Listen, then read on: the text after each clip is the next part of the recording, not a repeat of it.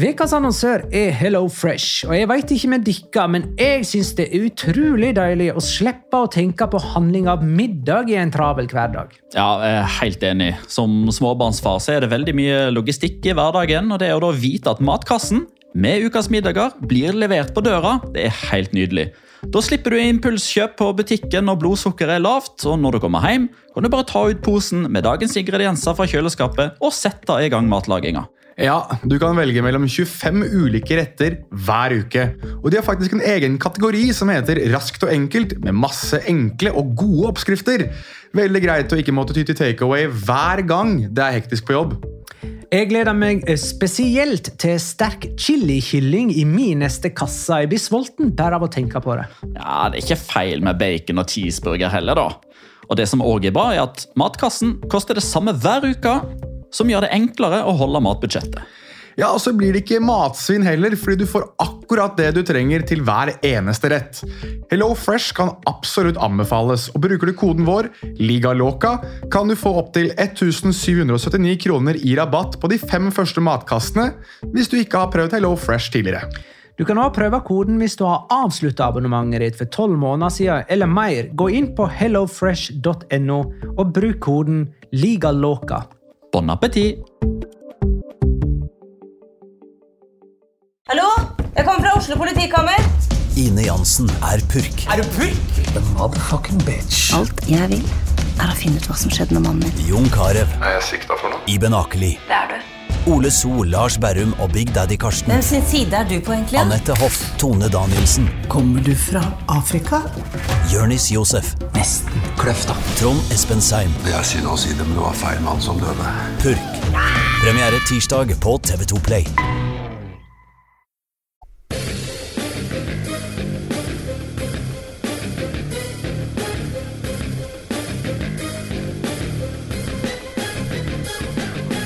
Har du sett? Midtvekerunden kom som julekvelden på kjerringa for Real Madrid, Valencia og Barcelona. Alle avga poeng og skåra til sammen to mål mot lag fra nedre halvdel. Antoine Griezmann skåra fire aleine for det eneste topplaget som vant. Og nå skal Atletico til kamp nå og ta opp kampen om selveste La Liga-tittelen. La liga loca. En litt gærnere fotball. Ja, vi kjører en eh, fredagsrunde med La Liga Loca. Jeg, Magnar Kvalvik, hei. Og du, Jonas Giæver, hei. Hei, Liga.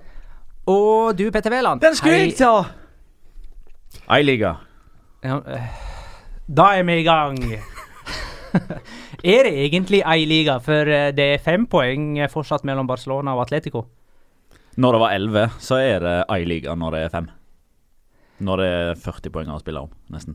Skal vi si det sånn at eh, når eh, Barcelona og Atletico Madrid spiller søndag klokka kvart over fire, da får vi en avgjørelse på om Barcelona vinner serien, eller om det blir spennende hele veien inn. Ja. Ja, enig. Skal vi si det sånn? Ja, det syns jeg. Så det er den, den kampen på søndag det er jo den som profitterer på de tre poengtapene til Barcelona de siste fem kampene. Da kan man jo virkelig hause den kampen uten at man kan bli beskyldt for verken det ene eller det andre. Mm. Har Barcelona avgitt seks poeng på en måned, er det sånn? De har avgitt eh, seks poeng på en måned etter at eh, Filipe Coutinho debuterte, uten at det er noe korrelasjon mellom det. Men jeg ble gjort, gjort oppmerksom på det på Twitter i går. Og vet du, nå mot Las Palmas så starta de uten både Coutinho og Dembélé, og likevel vant ikke de. Jeg tenkte jeg skulle ta den vittigheten i innledningen min eh, i dag, og så sparte jeg meg for det, men så klarte jeg ikke de meg til slutt likevel. Hvor mange milliarder var det de brukte på, dem, på de to til slutt? Var Tre. Tre? Ja.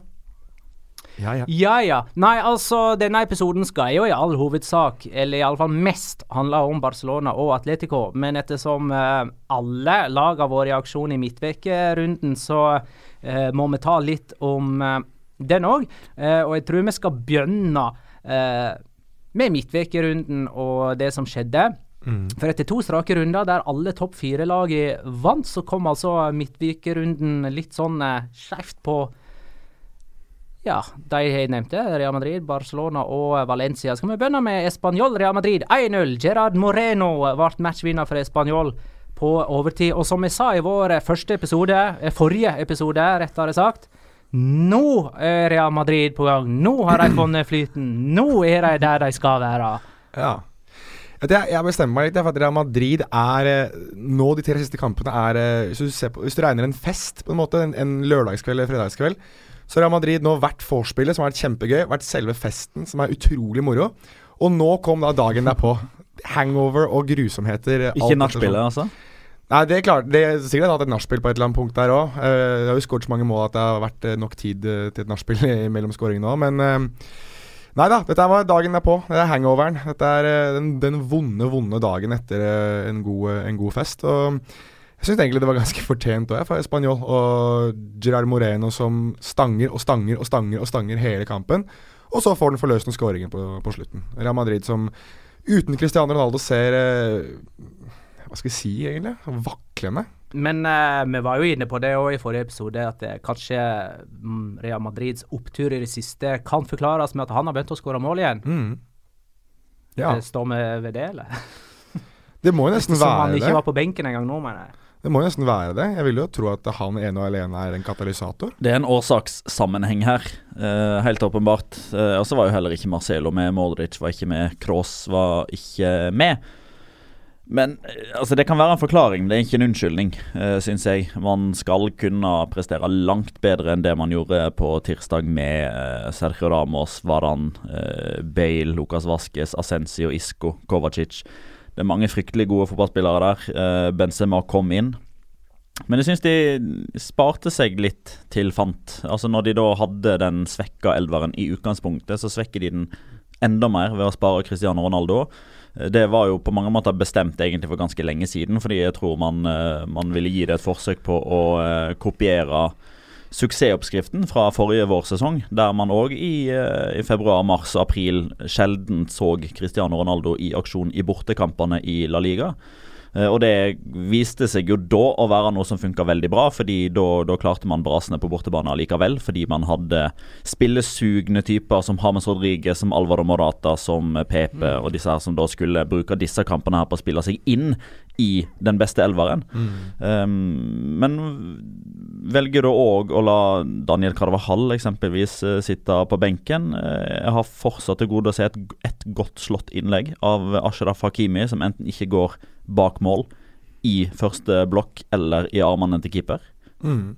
Så var totalsummen er altfor dårlig. Nacho var vel på andre bekken, var ikke han det? Nacho var på andre bekken. Så de har jo mista egentlig en dimensjon i spillet sitt bare der, med de to bekkene som ikke har de offensive kvalitetene som Carvajal og Marcelo. Ja, og Gareth Bale som midtspiss. Ja, Ikke prøv det igjen, Zinedine. Over og ut. Men generelt om kampen, da. Nei, Var det altså, fortjent, liksom? Ja, jeg syns det. Jeg syns Ja. det altså. altså, Når man tar liksom forutsetningene med i betraktningen, sjøl med Real Madrid som har et par spillere ute, eller fire spillere ute, så, så skal de være bedre enn et Español som heller ikke stiller topper. For de bytter inn Esteban Granero og Leo Baptistao i løpet av kampen, så de avslutter med en sterkere elver enn de starter med. Eh, men de viser jo igjen Spanjol at de er, de er fryktelig vanskelig å bli klok på, egentlig. Eh, for nå har de slått Barcelona i cupen. De har slått Atletico Madrid i serien. De har slått Real Madrid i serien. Alle med 1-0 etter skåringer innenfor de siste ti. Eh, og så spiller de mot lag som de i utgangspunktet skal være mye bedre enn. Og så ser de helt tafatte og hjelpeløse ut. Uavgjort mot Barcelona også. Nei, jeg synes de er veldig, veldig, veldig fortjent, men skal vi Hvis vi skal prøve å unnskylde Real Madrid litt, da, så er det jo en kamp uh, nå til neste uke i Champions League mot uh, Paris Saint-Germain som plutselig ble enda mer viktig, og kanskje enda mer mulig å vinne etter at nå, nå har Neymar blitt uh, har vel operert eller skal operere og kommer til å gå glipp av den kampen. Og da har jo altså pendelen svingt i, i favør Madrid på ny. Og jeg tror at man egentlig ikke tenker så mye over den kampen her hvis den kampen der skulle gå bra. Og da, hvis man kan introdusere disse spillerne i på ny, da, Ronaldo, Carvajal, Marcelo, spillere som man ikke hadde i den kampen her, og slår Paris Saint-Germain, eller i hvert fall går videre, eh, på en av Europas aller vanskeligste bortebaner, altså Parc de Près, der hvor eh, Paris Saint-Germain spiller hjemmekampene sine, så tror jeg egentlig ikke de bryr seg så mye om det oppgjøret her. Men skulle ryke, så da Da er det ikke mye å spille om lenger. Hvordan er det med Marcelo Cross? Eh, Marcelo Modric. er vel tilbake igjen i trening nå. Det kan hende at han får noen minutter mot, mot Retafe eh, lørdag kveld. Eh, Kroos og Modric er det fortsatt usikkerhet rundt. De trente vel ikke i dag, fredag. Så det blir en kamp mot, mot klokka, men uh, kjenner jeg de rett, så spiller vel i hvert fall én av de. Og når uh, den eller de da blir paret opp med, med Casemiro uh, og eventuelt òg da Kovacic, så skal det svekke Real Madrid mindre enn hva PSG er svekka uten Neymar. Real Madrid har tapt mot alle katalanske lag de nå. Girona, Barcelona og Español. Jeg så en sånn uh, flott uh, karikaturtegning der uh, det var en bomstasjon. Altså når, når Real Madrid Eller når de, var- Tegninga var at det var tre biler som alle hadde de tre katalanske lagene sin logo på. Altså Barcelona kjørte først, og så kom Español etterpå. Girona, og når de kjørte gjennom denne bomstasjonen, og kvitteringen de da fikk, var typ tre poeng, og bomstasjonen var Real Madrid. Ja. Og Atletico har ingen seire mot katalanske lag. De eh, har møtt Girona to ganger. Altså Den der konspirasjonen der kan godt, Man kan godt si at Spanjol hater Barcelona og sånne ting, men uh, de, eh, de, fikk, de gjør jobben for Barcelona, de, ass. Ja, det er vel blitt uh... Apropos, ja, men apropos konspirasjonsteorier, det, dette er vi jo glad i. Uh, med både ektefølt uh, glede og litt sånn eh, sarkastisk eh, glede. Fordi altså, det er jo ingen som har tatt mer til orde for at Español legger seg mot Real Madrid enn Barcelona-supporterne. Ja, de enkleste seks poengene i løpet av sesongen. Det er bare å liksom, avlyse kampen. Ikke noe poeng å spille engang. Og når Español nå vinner mot Real Madrid, så er det sånn Nei, men det er fordi Real Madrid er ute av gullkampen allerede, så dette teller ikke. Man uh, sier vel, eller man får vel scenario Narrativ. Ja, Narrativet er vel, eh, er vel så som så. Kommer litt an på hva som ganger folk. Kan jeg bare få si en liten ting, eller spørre en liten ting om avslutningsteknikken til Gerard Moreno? Mm. For uh, han, det er sånn halvvolley type ting, sant. Ballen er i lufta. Han treffer ballen ganske høyt oppe, så han, ballen spretter ned i bakken umiddelbart og går inn ganske høyt uh, i målet. Og det der har jeg sett flere gode spisser utøve hypp, hyppigere og hyppigere i det siste. Det å treffe ballen såpass høyt at han spretter ned i bakken. Nesten som når man header ned i bakken. Ja. Det ser ut som de egentlig ikke treffer ballen rent, men, det, men er det der et bevisst Er det en bevisst avslutningsteknikk? Det er så utbredt om dagen. ja, når du sier det, så har Antoine jeg Griezmann gjorde det samme mot Ja. Leganes. Ja. Gjorde det. ja. Og jeg har sett Øzil de gangene han skåra for uh, Arsenal, så, så avslutta han sånn som det der. Jeg tror han gjorde eh, tre siste skåringene hans eller noe sånt som kommer på hel volley. Jeg mener Edinson Cavani gjør det en del òg, hvis jeg ikke tar helt feil. Sikkert noen som vil arrestere meg på det. Men jeg mener også at han gjør det ganske mange når han kommer på første stolpe og banker den ned i bakken, så den går høyt i, i mål. Og, og så skrev faktisk den engelske La Liga-kontoen òg etter denne kampen at eh, det er om å gjøre å treffe ballen høyt.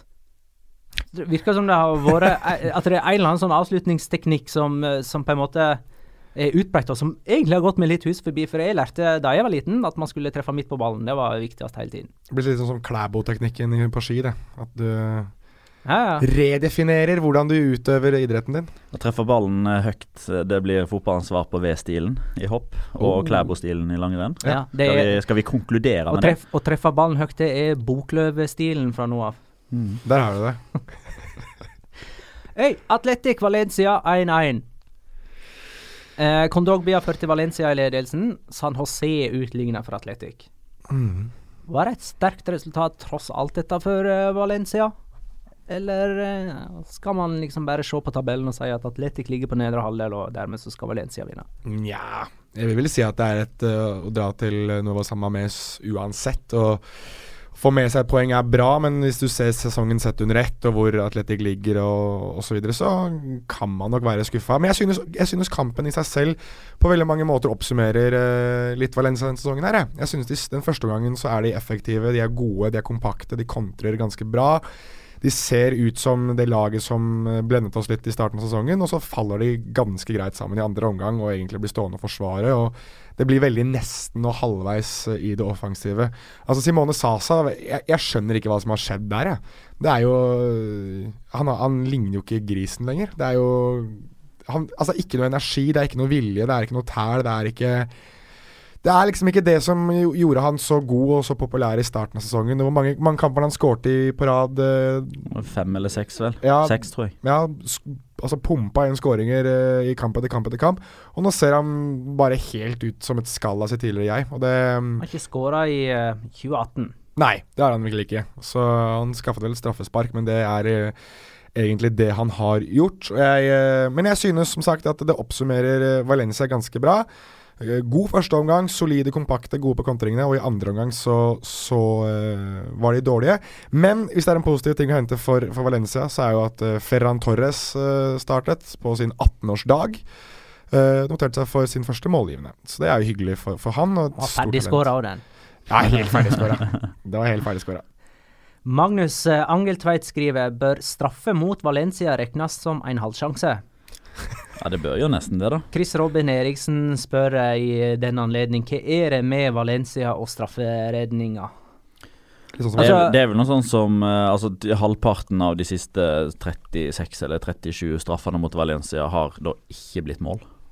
Diego, Ja, for eh, Diego Alves Ja, men det er ikke bare han. Det er sånn 59 av 60. Jaume Domenech, og det er Neto. Det er altså Mm. Alle Valencia-keepere nå har eh, ligger på ca. 50% men så er det selvfølgelig desidert mest imponerende med Diego Alves fordi han har veldig mange flere straffer mot seg. Valencia er et sånn nisjelag hva angår visse ting, som strafferedninger, venstrebacker. Det er sånn Valencia i et nøtteskall, da. Eh, og nå også tydeligvis Canteranos, og spillere som får sjansen, som eh, spiller mye og som blir viktige brikker i laget. Så det er litt moro at eh, visse ting kan du på en måte forbinde med Valencia, og da spesielt straffereddende keepere.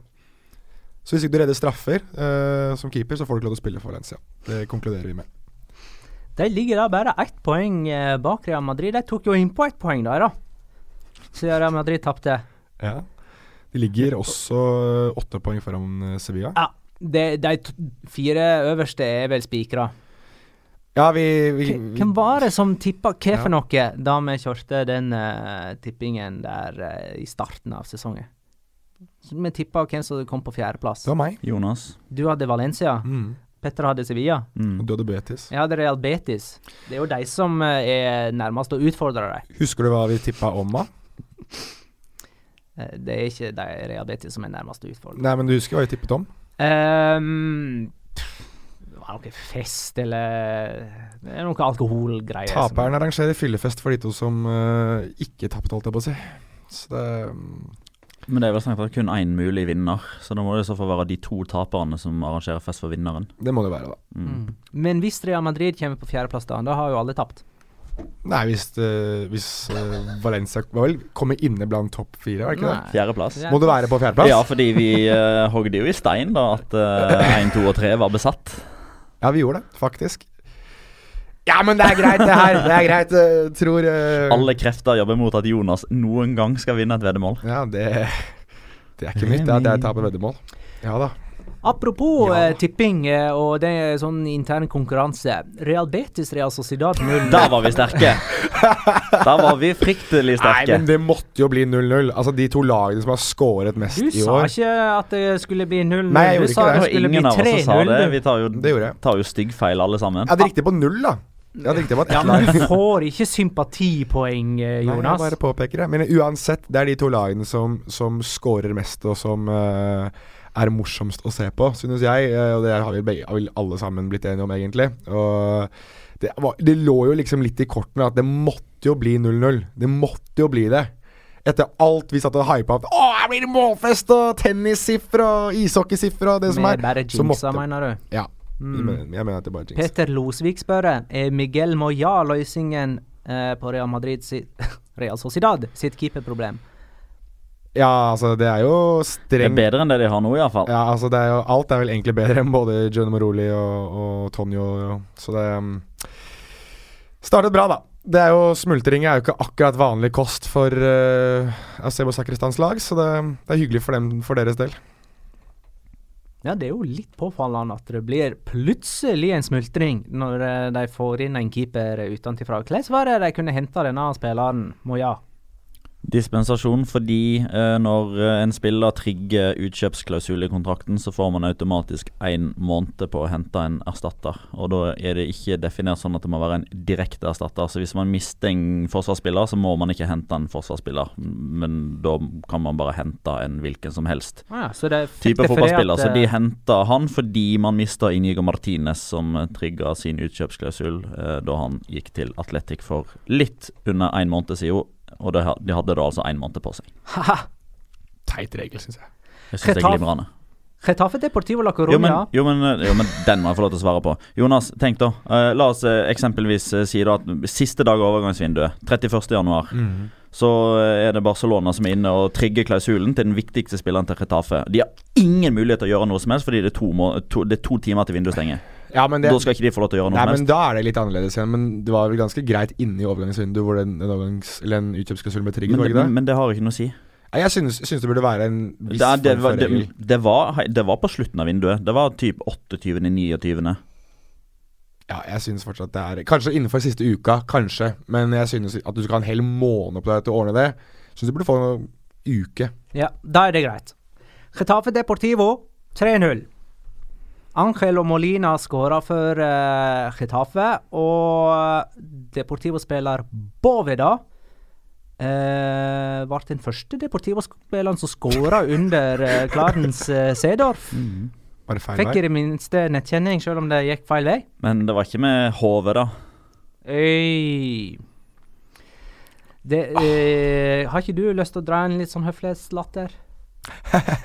ja, det er bra. Deportivo ligger nest sist, de. Men det er ganske tett, da. Det er faktisk fire drittlag der nede. Las Palmas, jeg.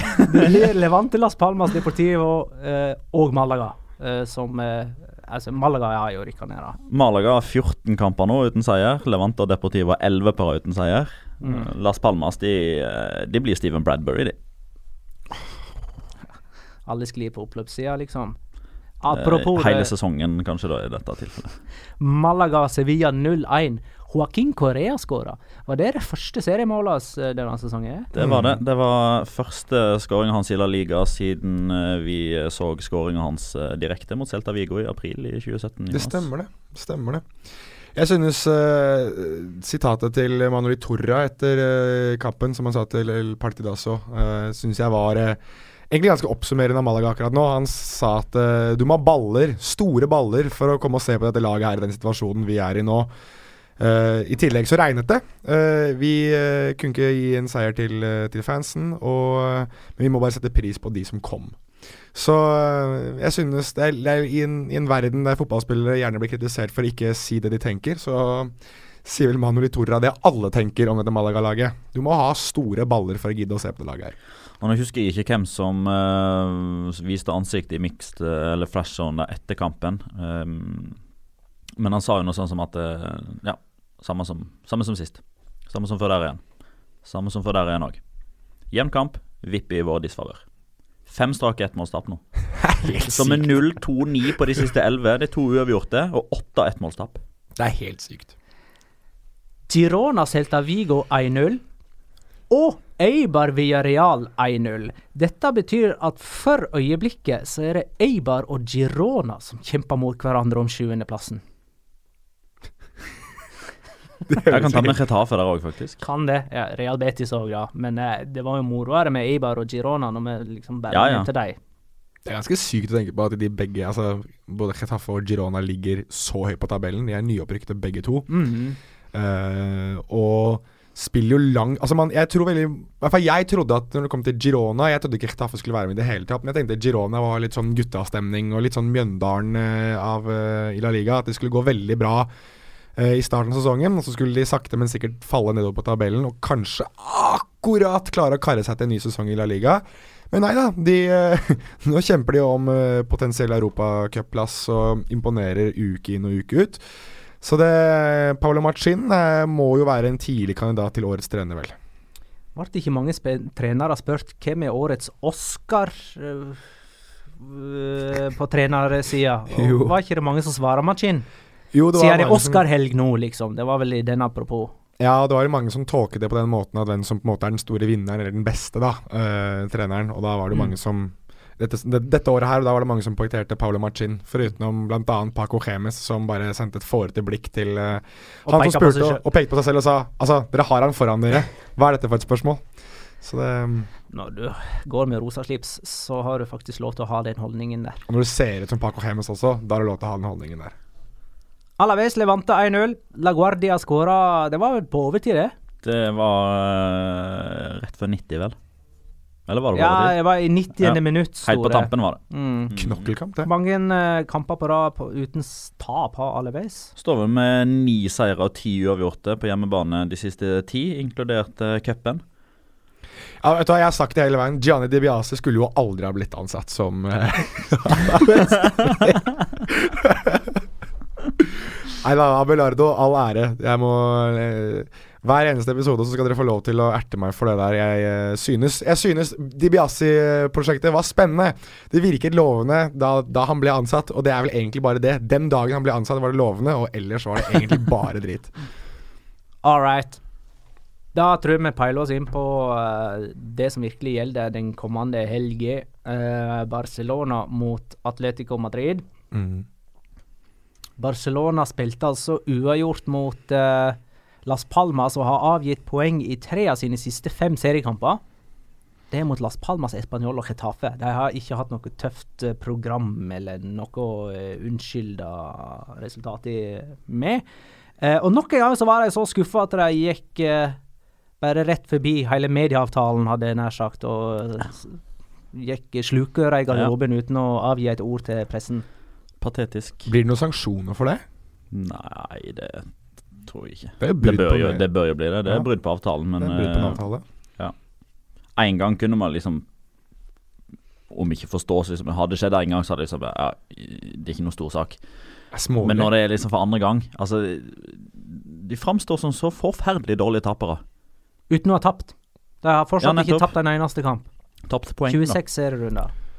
Skal vi godt hylle og si at 'å, så moro, de har liksom vinnerviljen', og selv uavgjort er ikke godt nok, men det er sånn Si noe, da. Vær litt, uh, vær litt voksne. Jeg er eneste som jeg så som snakket i etterkamp, var vel uh, Andres Iniesta til spansk radio, og han er jo kongen av selvfølgeligheter og floskler, da, synes jeg. Og Valverde. Så de Ja. utførte én av to, da. De, det, er sånn, det er sånn sikkert kort å sende Andres Iniesta. Han sier jo egentlig ingenting i intervjuer. Men kampen, da?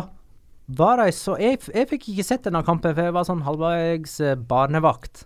Uh, men det er jo liksom mange som får sånn herre sure fjes i uh, Eller hva er det nå bruker slags uh, Emoji. eh, emojier og sånt når eh, spanske medier skal gi karakterer på spillere. Nei, det var ikke noe god kamp. Det var ikke det. Den første halvdelen av første omgang syns jeg de var påskrudd. Eh, Messi først og fremst, som ved både to og tre anledninger eh, jobba hardt defensivt, vant ballen tilbake igjen, satte fart på, ble enten holdt eller takla og fikk et par farlige frisparksituasjoner. Eh, Chimo Navarro som spilte bort ballen helt i begynnelsen der, når Messi og Suárez kom to mot én. Så de burde jo ha leda, eller kunne ha leda med, med både to og tre når Messi da først valgte å ta saken i egne hender og sende et frispark opp i krysset. Men etter det så skaper de jo nesten ingenting. Da virker det som at den kampen på mange måter var litt ferdig for de. Da skulle de bare cruise inn. Eh, Luis Suárez eh, løp utpå der og gjorde det motsatte av det han gjorde de siste fem minuttene av Girona, nemlig var livredd for å få gult kort. Og når han spiller på 90% da er Luis Suárez drita dårlig. Da er han ikke egnet, da er ikke egnet, han, han, er, han er ikke mulig å bruke til noen ting hvis han ikke er 100% Hvis han ikke kan pushe Er ikke, det, grensene. er ikke det litt deilig, egentlig? At, det, at det finnes fotballspillere som er så svarte og hvite? Ja, ja, ja. ja. Jeg er stum av begeistring for Luis Suárez når han er påskrudd. Men eh, hvorfor spilte han egentlig? Altså, jeg mener mener regner jo da med at uh, Valverde hadde et uh, lite varsku her, da, med at han ville ikke unngå poengtap, så de stilte med det raskeste laget, eller det beste laget. Og de spiller jo veldig bra, syns jeg, de første 22-23 minuttene. Problemet er at derfra og ut så tar de seieren for gitt. Det er noe med at når Suárez gikk så absurd hardt inn for å få gullkort eh, Var det mot Girona de spilte da? Ja. Eh, Da var det som om han sjøl bestemte at han ikke skulle spille uh, mot uh, Las Palmas, mens Valverde tydeligvis hadde andre tanker. Jo, men uh, dette var vi jo litt inne på sist, med liksom forklare fenomenet Tarjeta Forzada. Altså hvis Suárez bare ikke skulle spille denne kampen her uansett, hvis det liksom var tanken, så er det jo genialt å ha han suspendert. Altså Hvis han skulle vært hvilt i, i kampen mot Las Palmas, spilt null minutter og fått gult kort i en av de tolv siste kampene, det får han garantert. Da hadde det vært to kamper de måtte ha vært uten Suárez istedenfor Mm. bare den ene. Og da er det jo gullet godt at han er suspendert og ikke bare hvilt. Han kunne like gjerne ligge på sofaen slik som han spilte Han mot Las. Palmas. Han kunne det. Johannes Alin spør når fikk Barcelona sist straffe imot seg, og er det rimelig at det er så lenge siden? 14.2.2016. John Guidetti som skåra på Camp Nou. Det var 78 kamper uten straffe imot. Det er Ja. helt sinnssykt. Det er helt sinnssykt. Og da er det liksom Min sympati uh, altså, Straffe skulle det ikke ha vært. La meg få si det først og fremst. Jeg, jeg synes, i- altså, I de aller fleste tilfellene der så blir det ikke blåst for sånt. Så det kan jeg liksom forstå at akkurat der og da så- Hæ, det er ikke straffe. Eh, jeg skjønner Barcelona-supportere da, men come on, da. 78 kamper siden sist, og nå er konspirasjonsteoriene i gang igjen. Alle Mateo Laos hater øh, Barcelona og Nei, Jeg er enig med Petter. Jeg synes ikke det skulle vært straffespark. Jeg synes Det det er litt, det er litt moro, da, med tanke på vi snakket om uh, Tarjeta Forsada, så er det mannen som erstatter Jordi Alba, som klarte å få gul kort. Som kommer litt i fokus ved å gi bort uh, straffespark. Lucas Ding, som da eh, Ballen treffer hånda hans mer enn han søker ballen med hånda. Jeg gidder ikke å gå gjennom hele hands-regelen nå, men det er da han som gir bort straffesparket, og han som da sikkert blir sittende litt igjen med, disse, med svarteper, da. Så ut som producer sleit med å finne ut hva det var dømt straffe for. Jeg tror alle sleit litt i begynnelsen, og ja, men vi Valverde fikk sto jo etter kampen òg. av akkurat den situasjonen. Nei, den kom jo først etterpå. Ja. Sånn fire-fem fire, minutter etterpå så var det noen i bussen der som sa Øy, kanskje det er hens? Men, men for, for å ta situasjonen sånn veldig kort og presist, altså, det, det er tre ting som skjer der. Først så eh, gjør Las Palmas en form for håndballsperre på Fernmalen, som går i bakken. Sergio Roberto bruker litt vel mye armer på Mathias Agire Garay på første stolpe. Og det er jo han som da header ballen i stanga, som da går opp i armen på Lukading. Uh, der virker det da først og fremst som at uh, Matteo Laas mener at de to første situasjonene liksom nuller hverandre. Det gjør typ hvert lag sin forseelse, men de nuller hverandre, så han lar spillet gå. Ballen går i stanga og opp i armen til, eh, til Lukading. Og jeg pleier veldig ofte, dette har jeg sagt før, jeg pleier å se det fra en dommers uh, ståsted. Hva er det han ser, eller hva er det han oppfatter, som gjør at han dømmer som han da gjør? Og han har et flott innsyn til uh, saken, han står bra plassert. Og faktum er jo at det som gjør at Matteo Lahos blåser, sånn som jeg kan forstå det, er jo at armen til Lukading er overhodet ikke i noen naturlig posisjon. Den er langt ut fra kroppen, og den er nesten oppe i hodehøyde. Uh, og Vi snakka litt om det før vi gikk på sending her, uh, Jonas. At du har en teori om at Luka Ding har den armen der. Han tar den armen ut aktivt ganske lenge før ballen i det hele tatt treffer stolpen, fordi han skal forsøke å hindre Jairo Samperio, som er Las Palmas-spilleren rett ved siden av, i å få satt ballen i åpent mål, dersom returen nå treffer han. Og så er problemet da at den ballen For, for eh, Dings problem så går jo ballen i stolpen istedenfor å gå hele veien over til Jairo Samperio. Og dermed har han armen ut, utstrakt. Idet ballen kommer tilbake fra stolpen, ballen treffer hånda. Matheo Laos mener at det er da aktiv hånd og straffespark. Marius Gundersen skriver til oss hvorfor er La Liga-dommere så utrolig dårlige? Når en forbanna dommer dømmer feil etter feil mot lag, mener jeg at det er klart at han ikke er egnet til å dømme. Ikke forsvar denne elendige dømmingen! Shit pommes frites, det har vi allerede gjort.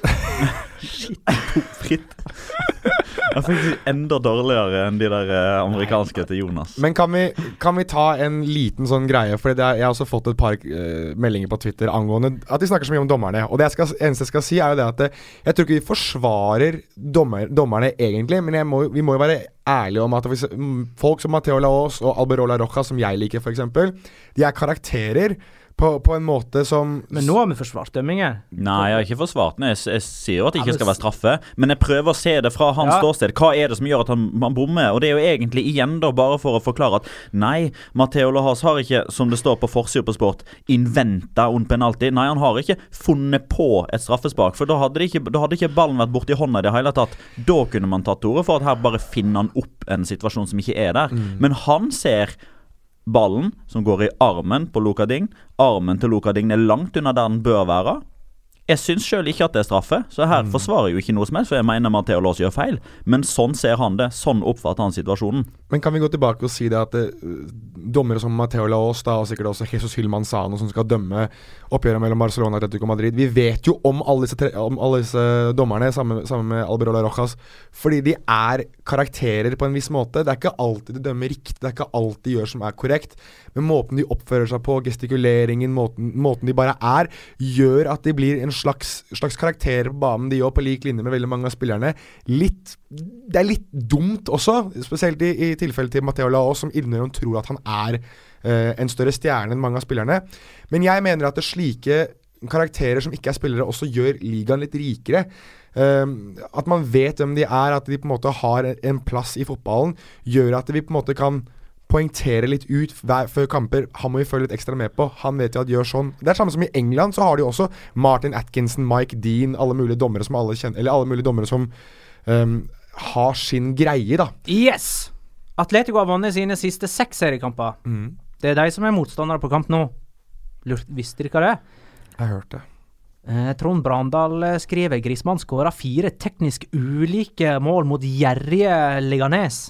Han skåra jo ene med hodet. Han er en ganske god hovedspiller. Er det. Er, er det fortsatt litt undervurdert, eller? Ja. ja.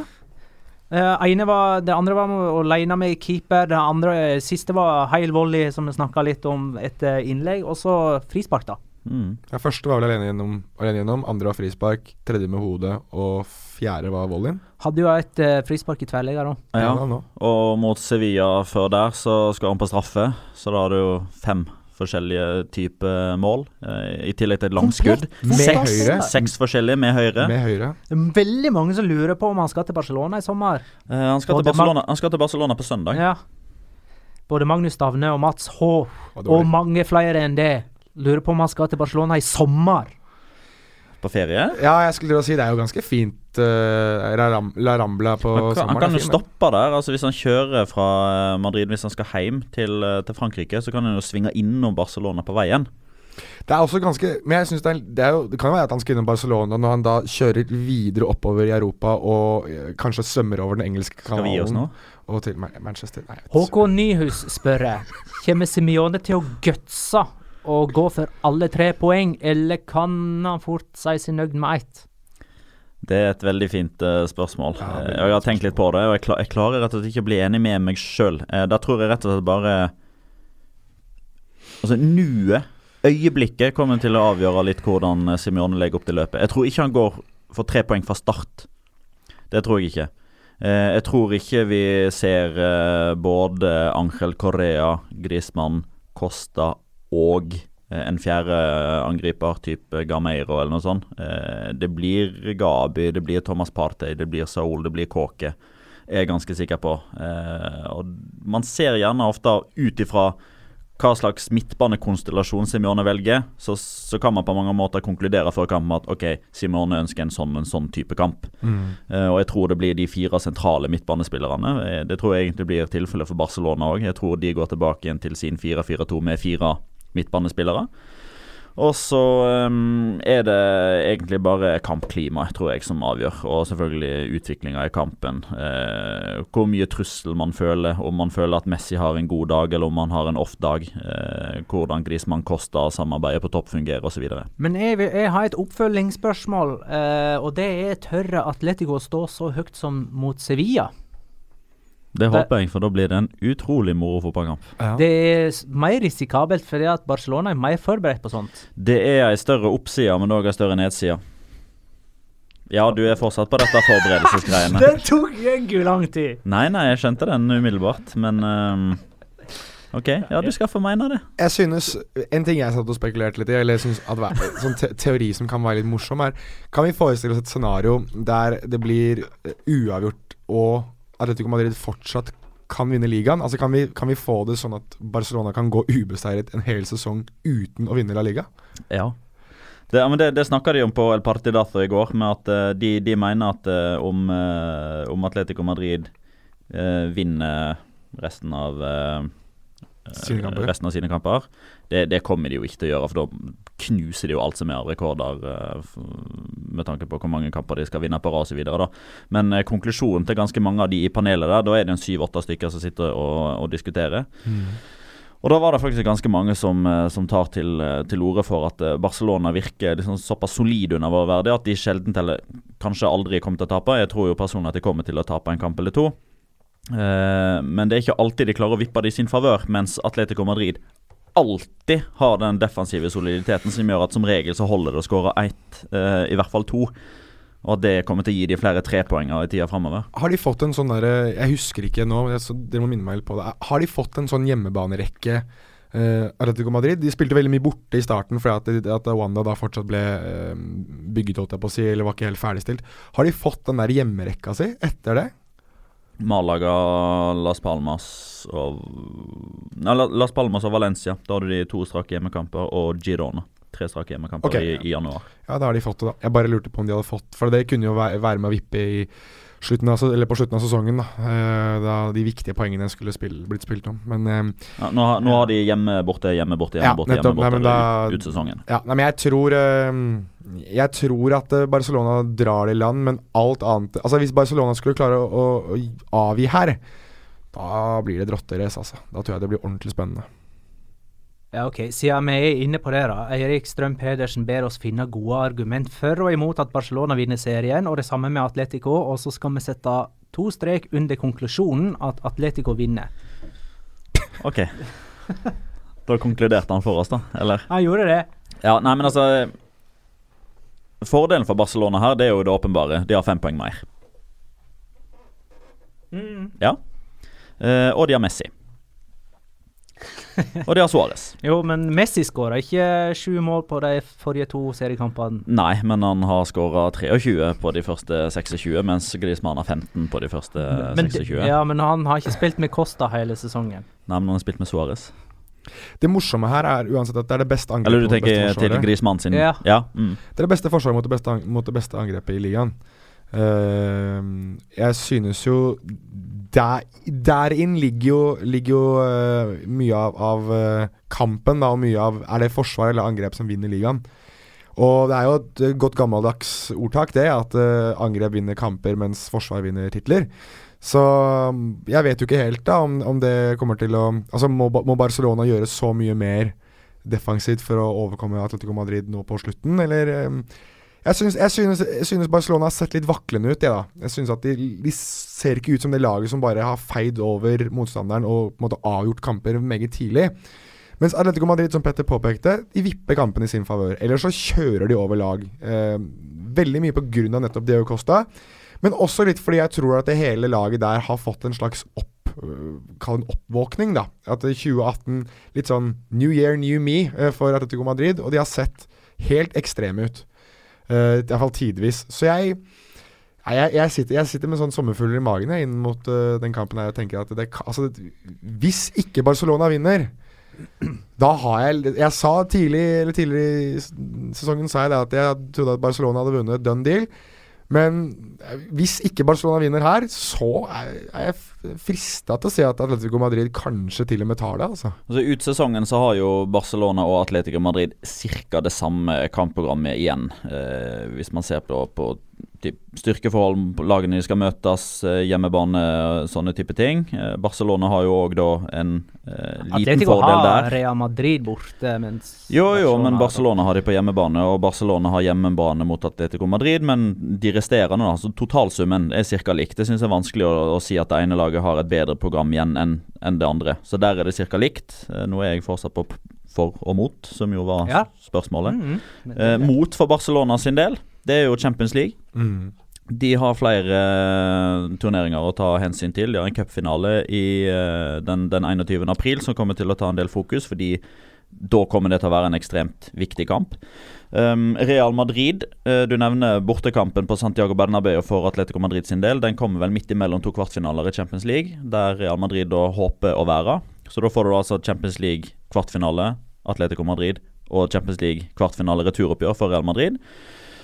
Hvem ønsker de skal vinne La Ligaen hvis de må velge mellom to onder? Eh, da velger de jo, eh, antar jeg, at Barcelona ikke skal vinne. Kanskje stiller de da litt svekka Svakere, mm. pga. at de prioriterer Champions League.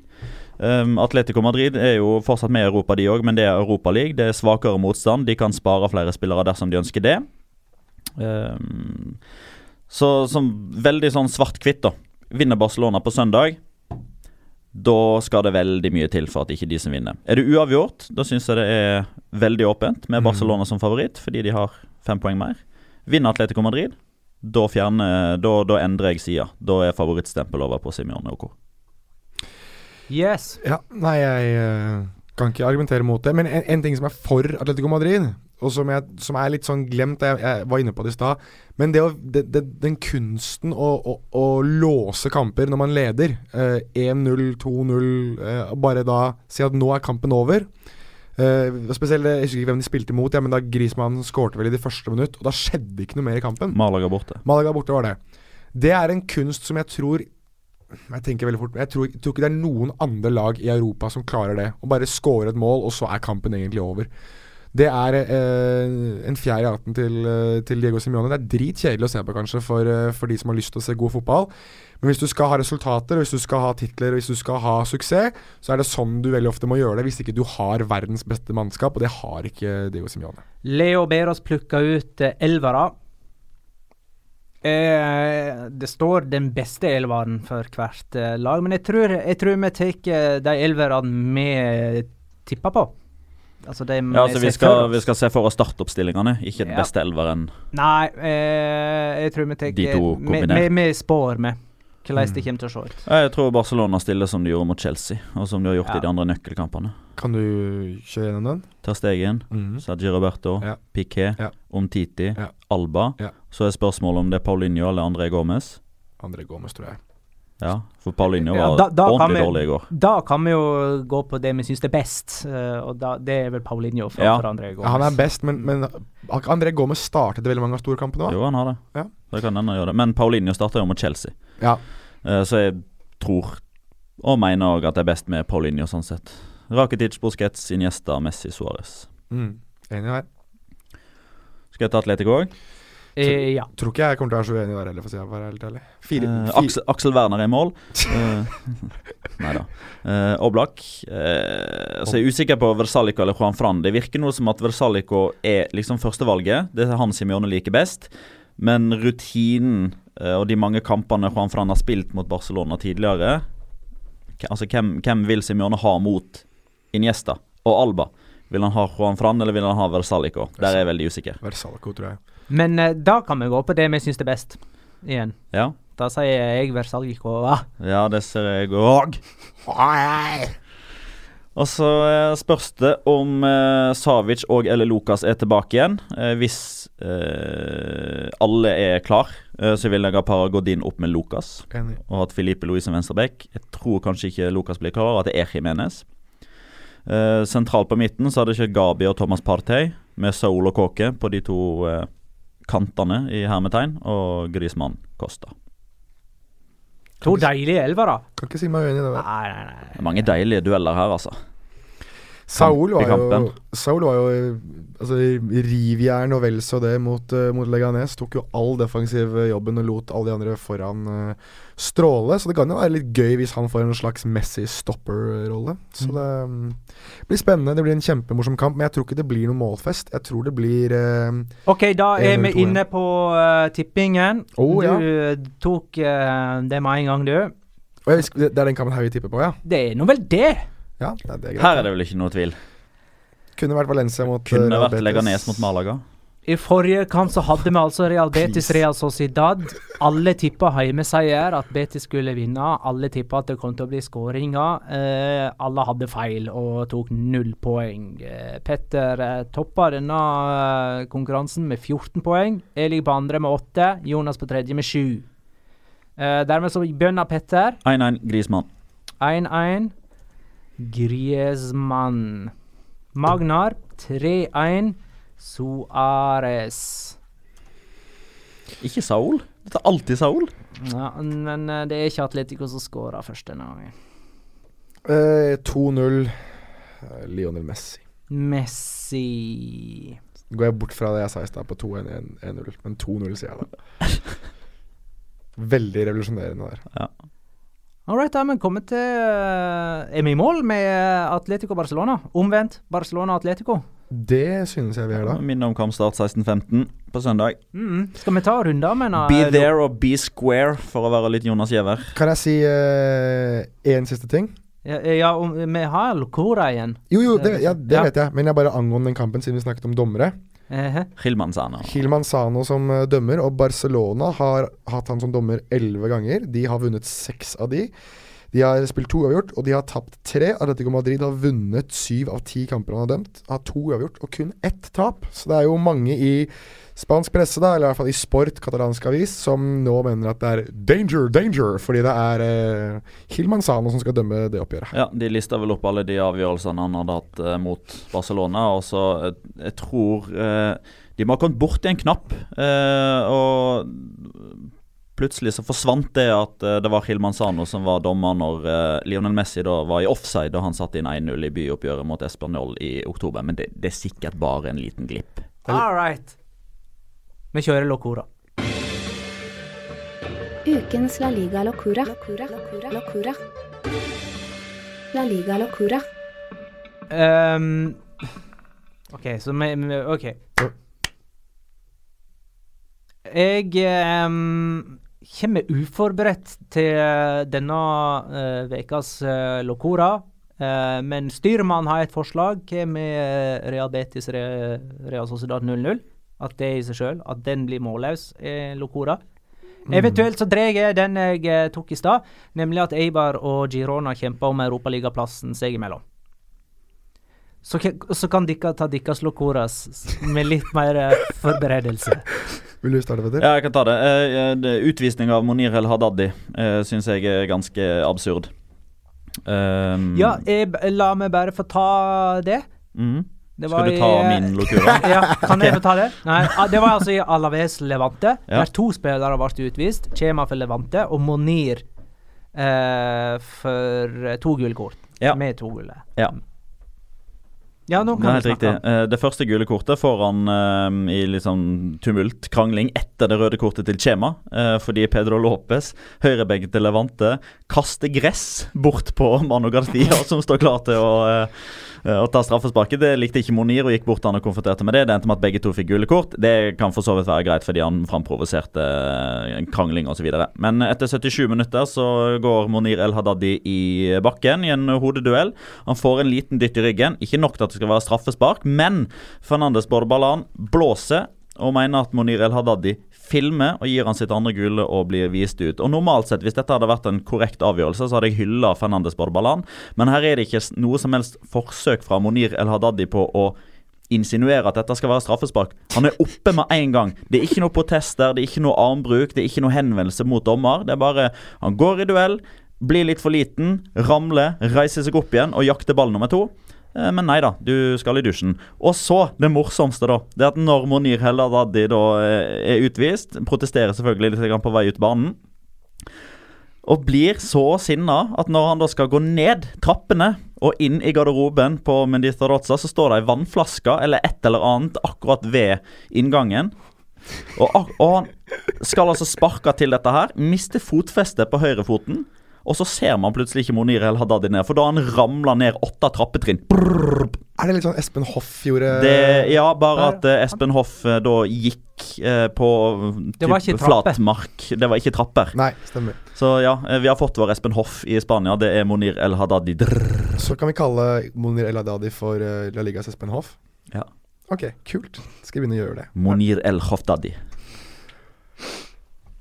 Åh, Nei, den var dårlig. Ja, Jeg tar- vondt jeg tar tilbake. Ja, jeg tar- Delete. delete. Jeg tar min, eh, jeg. Tar min, jeg. Uh, og det er da litt ulikt uh, meg og veldig vanlig Petter. Det er en statistikk.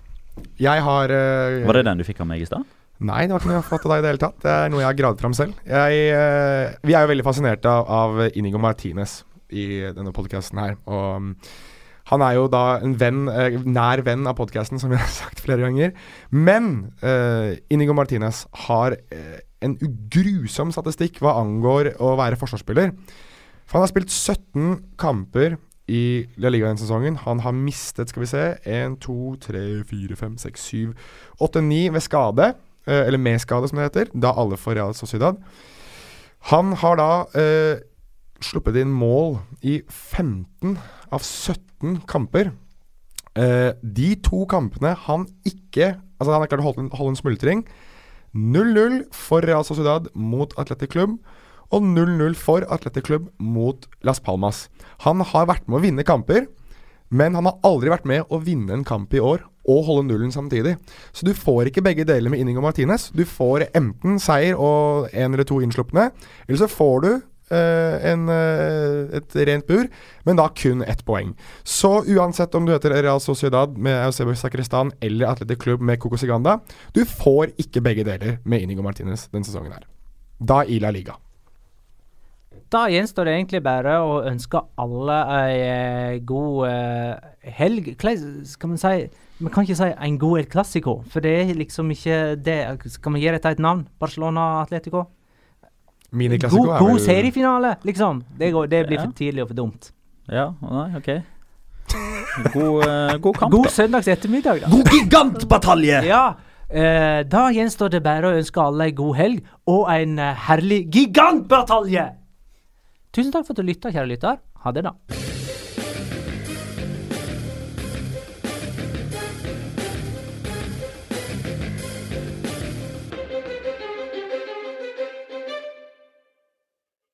Har du et enkeltpersonforetak eller en liten bedrift? Da er du sikkert lei av å høre meg snakke om hvor enkelt det er med kvitteringer og bilag i fiken, så vi eh, gir oss her, vi. Fordi vi liker enkelt. Fiken superenkelt regnskap.